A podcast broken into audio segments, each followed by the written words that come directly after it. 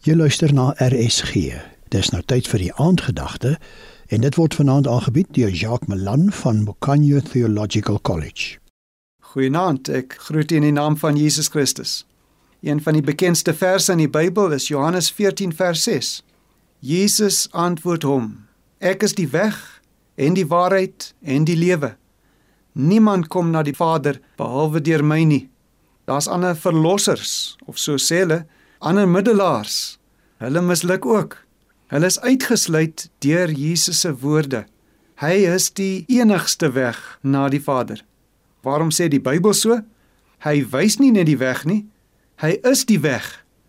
Deur sy kruisdood vir sondaars, deur sy opstanding, sy plek aan die regterhand van die Vader, daar is niemand soos Jesus nie. Hy is nie 'n weg nie, hy is die weg.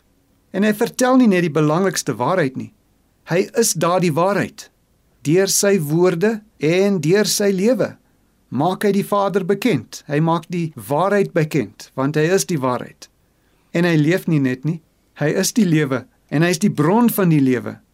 'n Dag na hierdie woorde was sy liggaam stikkend, koud, dood en in 'n donker graf agter 'n swaar steen. Maar hy het die dood oorwin, hy het opgestaan. Jy het miskien vergeefs ander dinge probeer. Jou antwoord lê in hierdie kragtige vers.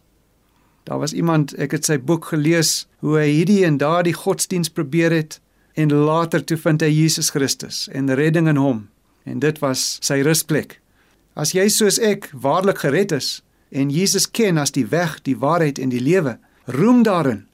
Vertel dit aan ander. Dit is 'n belangrike waarheid. Kom ons bid saam. Hemelse Vader, dankie dat U Jesus gestuur het en dat ons hom mag ken as die weg en die waarheid en die lewe. Amen. Dit was die aandgedagte hier op RSG en is aangebied deur Jacques Malan van die Mokanyo Theological College.